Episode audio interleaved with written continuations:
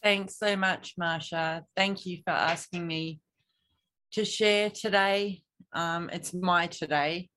I'm in Melbourne, Australia. My name's Risabel. Um, I'm an addict, um, an alcoholic, as well as um, a drug user, or was in the past.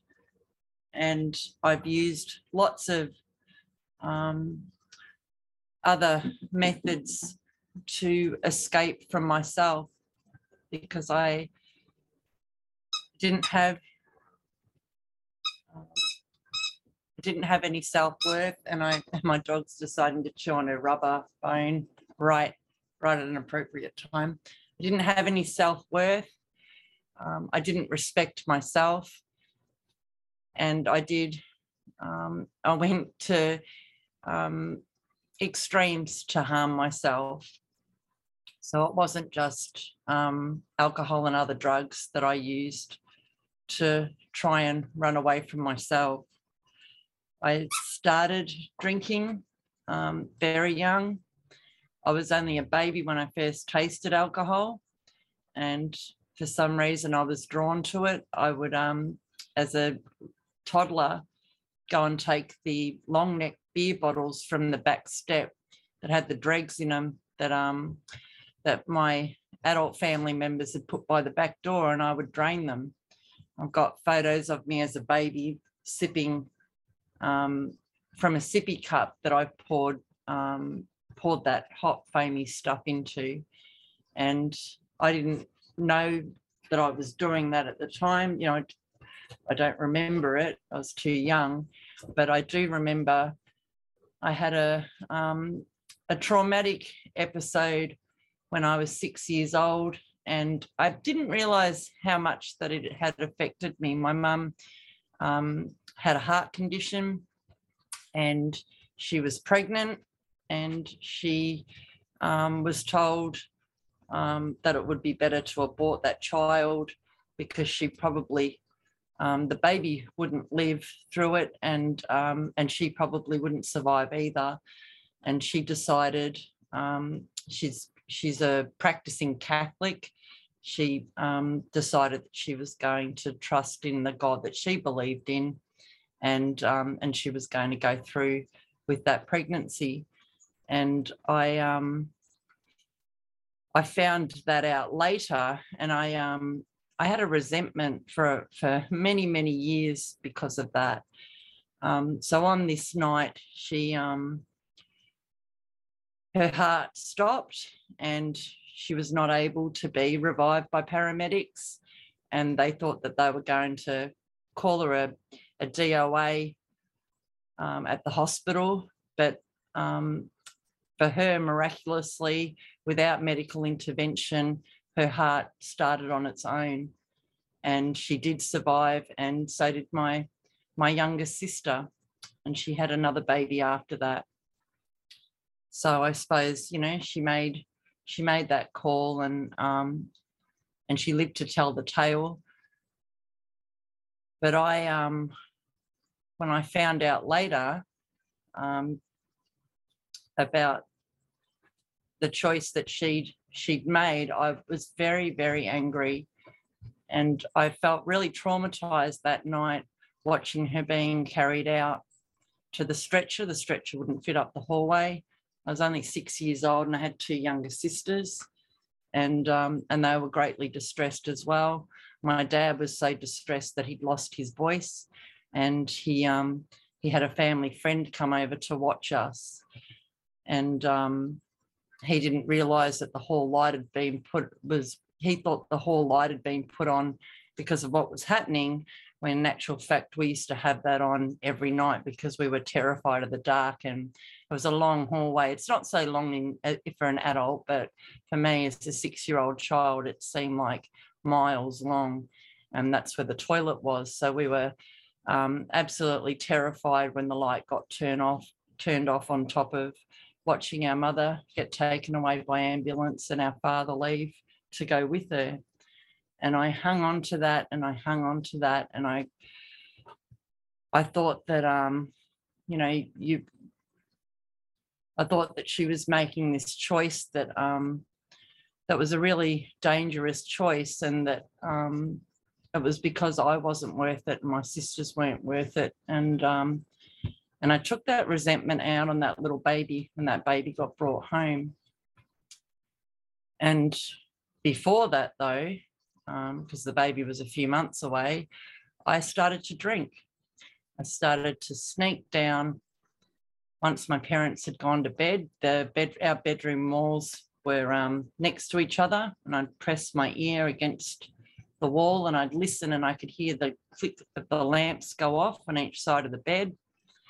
And I was gripping to get up and go down and sneak down to the bar in the in the good room, as it was called. We didn't use it unless my parents were entertaining, and um, and I would have to really force myself to just wait wait a few minutes at least because I didn't want to get caught. I didn't want to get caught because I wanted to be able to do that over and over again. And I would sneak down, tippy toeing down this long hallway, and I would go and grab a bottle off the shelf, the bottom shelf of the bar, hide underneath the bar, open the bottle, and I really savored that moment. I looked at the bottle, I looked at the color of the alcohol, I smelt it. I really, um, yeah, I, I, was really invested um, in what I was doing and I would take a single mouthful from that bottle, put the cap back on, put it back on the shelf, and grab another bottle. And I don't know exactly how long um, I did this for, um, or exactly how often, but I know that it was a regular occurrence and it was almost ritualistic. I didn't get caught doing that, and um, and I also um, was manipulative and deceptive at that age about retrieving the cough syrup from the very top cabinet in the bathroom. And um, I was um, quite tall now, but I was um, I, I, was a late bloomer. I was very, very petite, very small, short, and um, but I was um, and still am quite dexterous, and um, and I love danger. I'm attracted to anything that's dangerous. I'm I'm still to this day um, can be a huge risk taker. Um, I tend to take more calculated risk these days, but I um, I used to balance and get to that cupboard holding on by the tips of my fingers and um, and I would pull that bottle down just I could only just touch the base of it and I would pull that bottle down and just take a sip like from the bottles because I, I wanted to be able to continue to do it and I didn't want to get caught. I had this real fear of getting caught. One time I actually um, didn't catch the bottle as it as it dropped and it was a glass bottle and I can remember being terrified first of all of the noise that it was going to make attracting attention because I would do this during the day and um, and also I was terrified that bottle was going to shatter and smash and then I wouldn't get to consume that liquid and fortunately, I thought at the time the bottle didn't break, but it made this big chip in this brand new white bathroom basin. And um, so this black chip that had chipped off the porcelain was very obvious. And I remember panicking, thinking, shit, I'm going to get caught here. And using, trying to use the toothpaste to cover that black chip up, you know, to hide um, what I was doing. So from a very um, young age, I was already chasing that effect and trying to escape myself and um, and dealing with you know the trauma of life that's you know that's a normal thing um, in in ways that weren't um, ways that weren't healthy and weren't productive for me. And that continued right through my life until I came to the doors of AA at age 45. Things got dramatically worse um, quite quickly. And um, as a teenager, I was definitely blackout drinking. I remember one time I had gone home from my secondary college with two friends. We'd um, I used to wear uh, a uniform, so I would wear my own clothes underneath that uniform. And as soon as the bell rang, I'd grab my backpack, head out off off the grounds of the school, rip the dress off, and I'd have my my clothes underneath, and I'd go straight to the bottle shop. And um, you know, this is back in the day, so to speak, um, and uh, late late eighties. Weren't asked for identification, and they were quite happy to, you know, you had the money, you pay for it, they'll sell it to you. And on this particular occasion, um, I paid for three half bottles, what we call half bottles of Southern Comfort. The, the smaller bottle, and I think they're 500 mil or whatever they are, and um, one each um, for the three of us. And um, and we went to my my best friend at the time's home. Her parents weren't, you know, they were at work, and uh, she and I guzzled that Southern Comfort down. And our other friend, Hamida, she um she wasn't a drinker. She wasn't like she didn't drink the way Kerry and I did, and she was just sort of wanting to be a part of. And she took a mouthful of that stuff and nearly sprayed it everywhere, just like almost. Um, she ran to the sink, spat it down the sink, and said, "Oh my God, I'm not drinking this."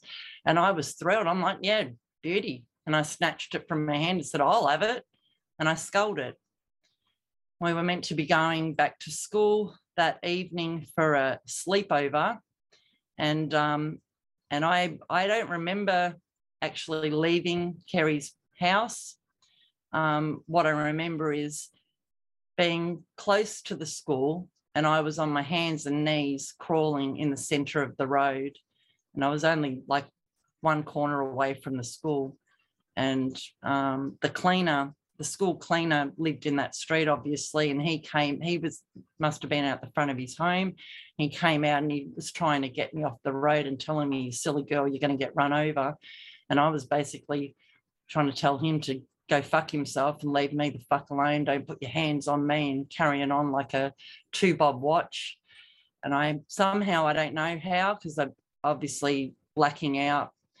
Um, I, I arrived at the school and and all I, the only other thing I can remember of that night is that somehow I was sitting on a bench outside um, in the school grounds with the principal and um, and my teacher, and they were trying to speak to me, and I was um, they were trying to ask me what the hell was going on, and I was incoherently trying to reply, and that's the last I remember of that night and um, and I've got no recollection of, of what happened um, in the time after that.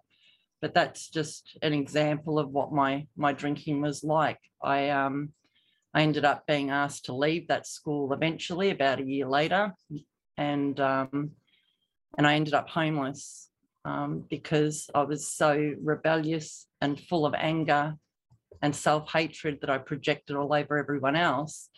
That um, and self-harming, cutting myself and doing all sorts of weird and wonderful things, burning myself, that my parents um, felt that it was um, that I was a danger to to my siblings, and um, and they just simply could not cope with me at home.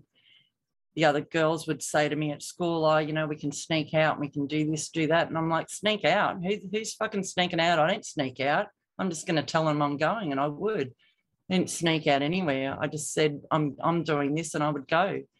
And um, there was violence in my home um, because of my behaviour. Um, my, my father, I suppose, got at his wits' end and, and he didn't know how to deal with it. So he dealt with it um, using violence. And I used that as my um, excuse to, um, to leave. I ended up sleeping rough on the streets, ended up in a couple of refuges and um, and then ended up in a house um, with two other homeless girls and um, and I'll leave it to your imagination um, what happens in you know houses with no adults and um, three young teenage girls that are extremely vulnerable and um, have no idea how to do life. I um decided to get out of that situation by joining the army. Definitely not. Um, don't feel that I'm a patriotic person. Um, maybe I am deep underneath, but um, that was just my way of trying to get out of a really dangerous, life threatening situation. And um, I was wrapped in the army because I found people that drank like I did, people that just wanted to go hard at it and um, definitely wasn't social drinking. Um, I got into a lot of trouble in the army because of my drinking, and um, there was all sorts of dangerous driving, um, drink driving, um, just speeding um, at lunatic speeds, even without alcohol in me and just this who gives a rat's ass attitude. I just, I thought I was, you know, a law unto myself and I could justify any of my behavior. I always had some excuse, some reason to justify what I was doing. And um, I ended up getting out of the army, got into the hospitality industry, numerous geographicals, um, jumping states, you know, from um, yeah, and um, and I ended up um, just homelessness right through that, either sleeping rough, couch surfing, sleeping on people's floors, and um, finally, my my sister, a year younger, um, asked me to um, to come and stay with her and her first husband. So I was couch surfing at their place, tiny little one bedroom unit, and a job came up um, at a prison, brand new prison, privately owned, that was um, going to open. And she thought, oh, you know, you always wanted to be a social worker, and um, and with your army experience, that sounds like an ideal job for you. And they were supposed to be these, you know, the care bears of um, correctional officers. So I um, I applied for that job, and I was successful. And um, I ended up on that job for three years and three months before I went off work with um, diagnosed with complex post-traumatic stress disorder. I was involved in numerous critical incidences, people killing themselves, killing other people, abusing themselves, etc. And um, I was um, physically assaulted on more than one occasion. And um, and I used alcohol and um, and after I left the prison, I used drugs as well to um, to numb the fear. Well, it wasn't fear; it was terror, the absolute terror that I was living in. And I realized when I got sober that I'd been living in terror for the practically the entire duration of my life, and um, seemingly unaware of that. Um, and I suppose that's there's not much to be aware of when you're constantly drinking and drugging. And um, when I went off that job, I started the revolving door of psychiatric facilities.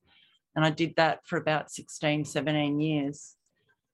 Um, my my violence towards myself escalated and um, I've been strapped down to beds, I've been bashed in the system, I've had electric convulsive therapy, all sorts of drug therapy, um, taken numerous overdoses and um, other ways to try and end my life. Um, obviously, unsuccessfully. I've been clinically dead on three occasions by my own hand. And um, I would leave the hospital and um, and I would get the taxi driver to go through the bottle on the way home because I thought that alcohol and drugs were the solution. And I didn't know how to cope the overwhelming emotions and fear that I had created in my own life. And I didn't know another way. I honestly didn't know another way of dealing with things. So um, that continued. And by the end of my drinking and drugging, I was running at police who were constantly at my door with massive kitchen knives because I just didn't give a fuck. I didn't care about me, so I couldn't have given a shit about anyone else. And um, I ended up for two years. I was thinking about um, leaving my home and going and sleeping rough. There was times when I romanticized it. There was times when I did it for a day or two or a few days or something. And um, I had numerous warrants out for my arrest. The sorts of people I was allowing into my home were extremely violent. And, um, and I thought that um, I was either going to be murdered by the police, murdered by one of these acquaintances, um, or, or that I was going to, to be successful in killing myself. And I did walk away from my home and just up and left and started sleeping rough. And an old army buddy, just give me one sec. Mark, I'm on a meeting, so Okay, do you yeah. know about the fence tomorrow? no, and I can't, Mark, I'm actually sharing on a meeting, sorry, sorry. Um. Retrace my steps. So I had walked away from my home and was sleeping rough and an old army buddy who I had been in contact with on social media um, contacted me and convinced me to come up for the weekend. I didn't want to go um, because I felt that I was a burden and I was a bloody burden. I was a massive burden. And um, he convinced me, yep, just just come, just just for the weekend. It'll just be the weekend. So I did that. I went up just for the weekend. And I knew that um, he drank the way I drank because we'd drunk together in the army and we'd sort of taken turns. It's like a competition who could get in the, the most shit for the week. And um, he told me that he was um, in Alcoholics Anonymous and that he hadn't had a drink for over 10 years and that his partner, his um, de facto wife, was also um, in AA and hadn't had a drink in over 10 years. And um, and I thought, fucking hell, you know, there's something's gone wrong with him. That's how insane I was. And um, and I thought, you know, this this friggin' bitch, whoever the fuck she is, she's um, you know, she's brainwashed him, she's got in his head. Um, and part of my motivation to go up for that weekend was to check this out and um, and see if I could be of assistance to him. You know, just absolutely nuts. Um, so I arrived there with a backpack. Um, I had a five litre unopened um, bladder of port in my bat in the backpack and a 500 ml um, Coke bottle full of port from the last bladder. And um, and I got taken to my first um, meeting of Alcoholics Anonymous. Actually, it wasn't the first; it was the second within a few months. But um, but yeah, I didn't stay at that first one. I was taken by a by a nurse, and um, and I and I didn't stay, and I certainly didn't wasn't willing to listen to the message.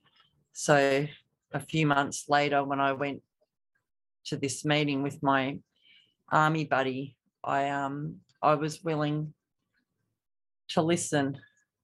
I was wi- willing to hear what they had to say, and um, and I suppose I was desperate to escape my circumstances, but not really, not genuinely ready to put the drink down, and um, I didn't have I I had hadn't used um, drugs for a little while, only a short while, but I hadn't used them because I, I couldn't obtain them because I'd burnt all my bridges that way. So um, I thought, well, I, I'll just get off the get off the piss for a bit, and um, maybe they'll even lease a place for me to live in in their name, and I can hide out in the country, and um, and then I'll, you know, in a few months, I'll I'll be right. The shit will blow over, and and I'll and I'll get back to living because that's how I saw it. I, I, I didn't realize I was merely existing.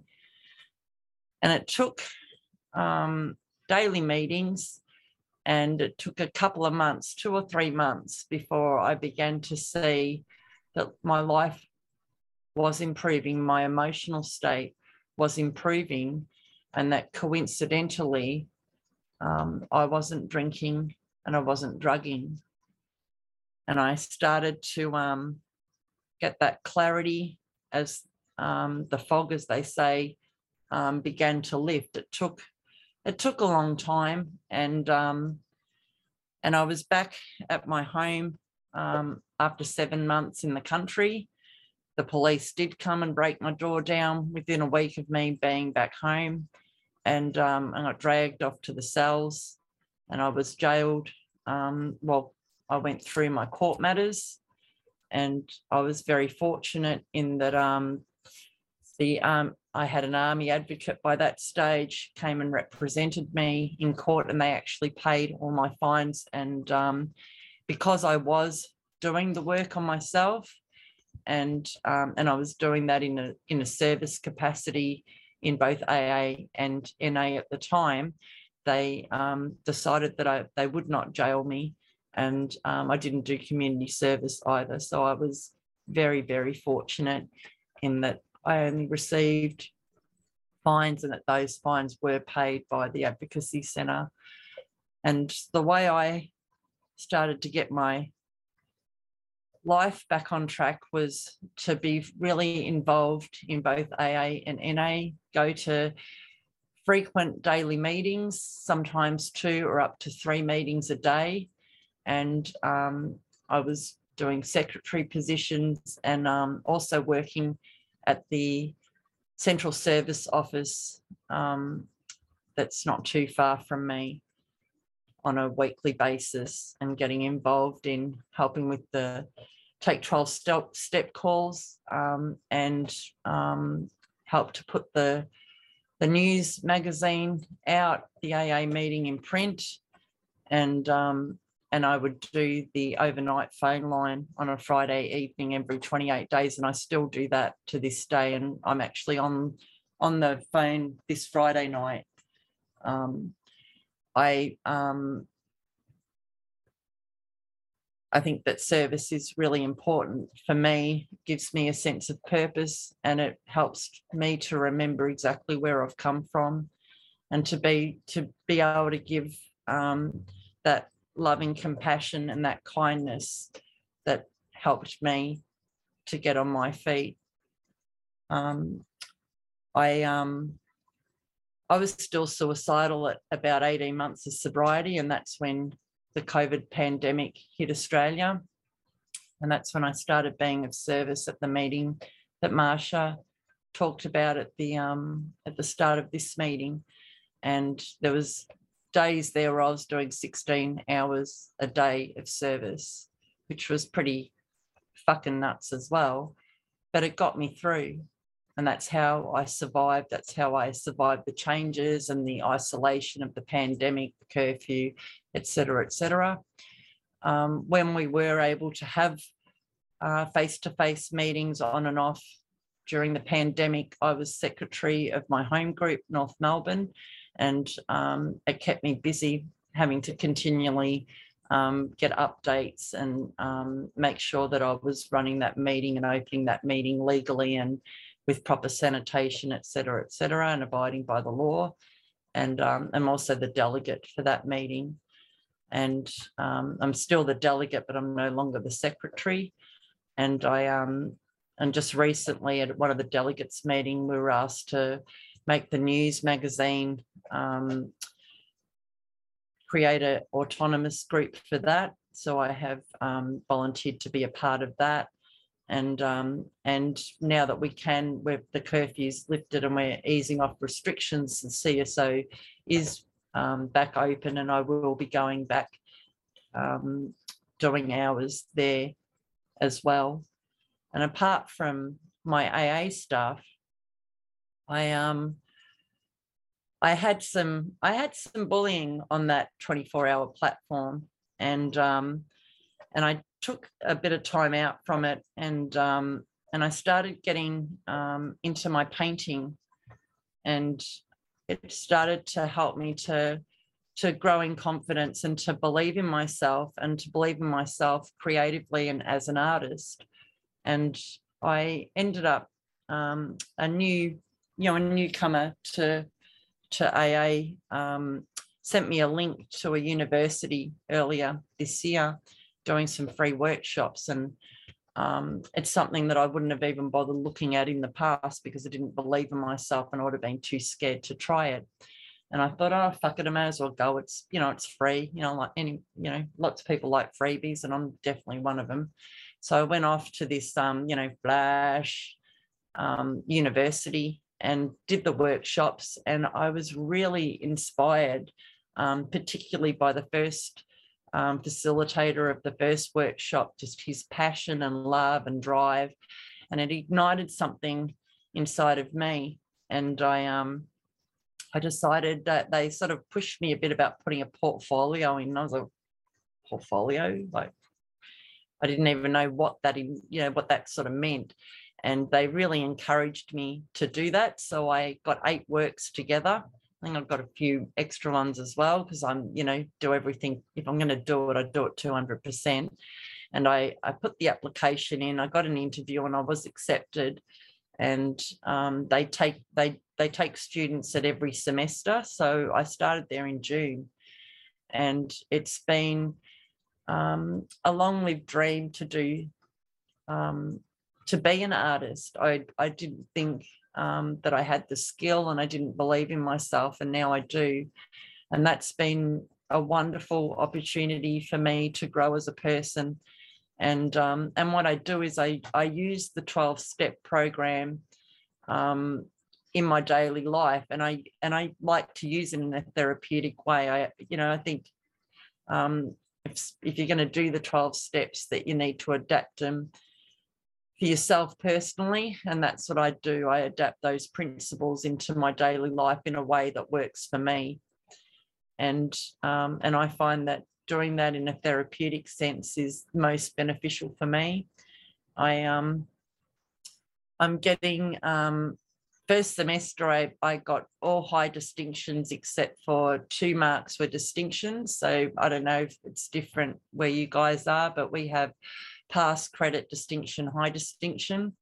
And um, and I it still makes me feel emotional just thinking about um, you know, I'm not I'm not even trying to obtain any specific mark. I'm just doing what I love to the best of my ability at the time. And so far this semester, all I've received is high distinctions, and it just it blows my fucking mind and um and I at the beginning I was sort of you know what's fucking wrong with these people like giving me these sort of marks? What's the standard here? It must be fucking shit house. But um that was just my lack of self-esteem and, and low confidence. And um and what this supportive environment does is it it helps me to build that. And I get wonderful feedback I feel a part of and I get fully immersed and fully involved. And um I'm really feeling it at the moment. I'm um I've had a pretty um I've had an absolute cunt of a week and um the over a week. It's um it's been extremely traumatic and um and what helps me is doing doing my art therapy and um and connecting with other members in the program who um who I know are working it. They're not just talking it because I can't stand people that are full of shit and toxic and I just can't I don't have the capacity to deal with that I really don't. So I um I just um yeah stick with the strength as I was told. And um you know Friday I had probably was the most full on day. I was purchasing a vehicle from someone who who is in the program or she's in the fellowship let's say that much. And um and she decided that um, in a resentment she wanted the car back and um, and she was going to um, she was trying to accuse me of stealing the car and um, and it sort of all escalated on Friday. And so I was able instead of being reactionary and just driving the car over to her place running her over and putting it through her fucking house which is what I would have definitely done in the past I was able just to contact my my social worker and who contacted the police for recommendations and suggestions. And um, and I was able to um, to then text back an appropriately um, written message for her to come and pick her vehicle up, which had been sitting waiting for her to do so for over a week. And um, and I am doing the resentment prayer and praying for that woman each and every day. And I'm um, yeah, praying for myself too to to maintain the love and the kindness in my heart because I know she is an extremely sick woman and she honestly does not know any better. And I know that deep in my heart.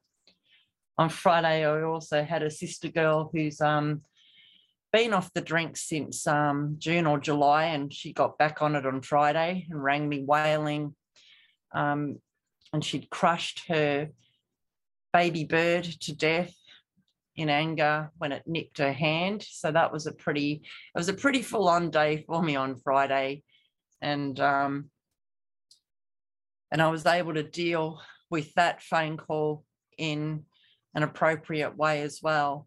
And um, and I just paused when agitated, filled my heart with love. And I knew there was no point having a discussion with her while she was so intoxicated, but I was able to contact her the next day. And I know I can't control anyone else but myself. And I just let her know that if she wants to put it down again, she knows where I am and that I still love her and that she just needs to learn to love herself. I've got a neighbor three doors up who's literally laying in her own waste and in the end stages of alcoholism and she came and saw me last week to let me know that you know i know you're what you're doing and i know you know you you're all on top of this but i can't do this and i don't want to. And it's hard for me it's hard for me to know that that she's literally dying and laying in her own feces and that i can't do anything about that at all, except to send her love. And um, and I was able to be um, a support for her carer, who was actually the man at the door before, um, who was actually been bringing her alcohol, and I was able just to suggest to him that um, that he perhaps he needs to stop doing that because it's it's actually giving her a loaded gun to kill herself, and um, and to to get onto her general practitioner, a doctor, and um, and I've also got a niece who's um, in hospital um, because of her anorexia. This has all happened this week, and um, this is not her first hospitalisation, and she's she's not progressing um, this time around. She's actually going backwards, and it breaks my heart. But I can't do anything about it except send her love, let her know that Auntie Rissa loves her and that Auntie Rissa has a lived experience of anorexia and of harming, self harming. And that I continued to do that for most of my life before I was able to look at what I can control and what I can't control and have that wisdom to distinguish between the two. And then I'm here for her anytime, day or night. And that if I can do it, then she can too. And that's all I can say to other people. That's all I have the power to do. Is to put the love out there maintain my own integrity when shit comes flying. And to learn to just live in the now. And that's why I love my artwork because it helps me keep this head where these hands are. So when those thoughts, those self destructive thoughts come up, and when I feel like things are just too fucked out hard, instead of getting on the pity pot and wallowing in it, I can say, okay, what can I control? What do I have power over? And let's do that. Let's put the action there. And I know I was told over and over again, this will pass. And I know that it will.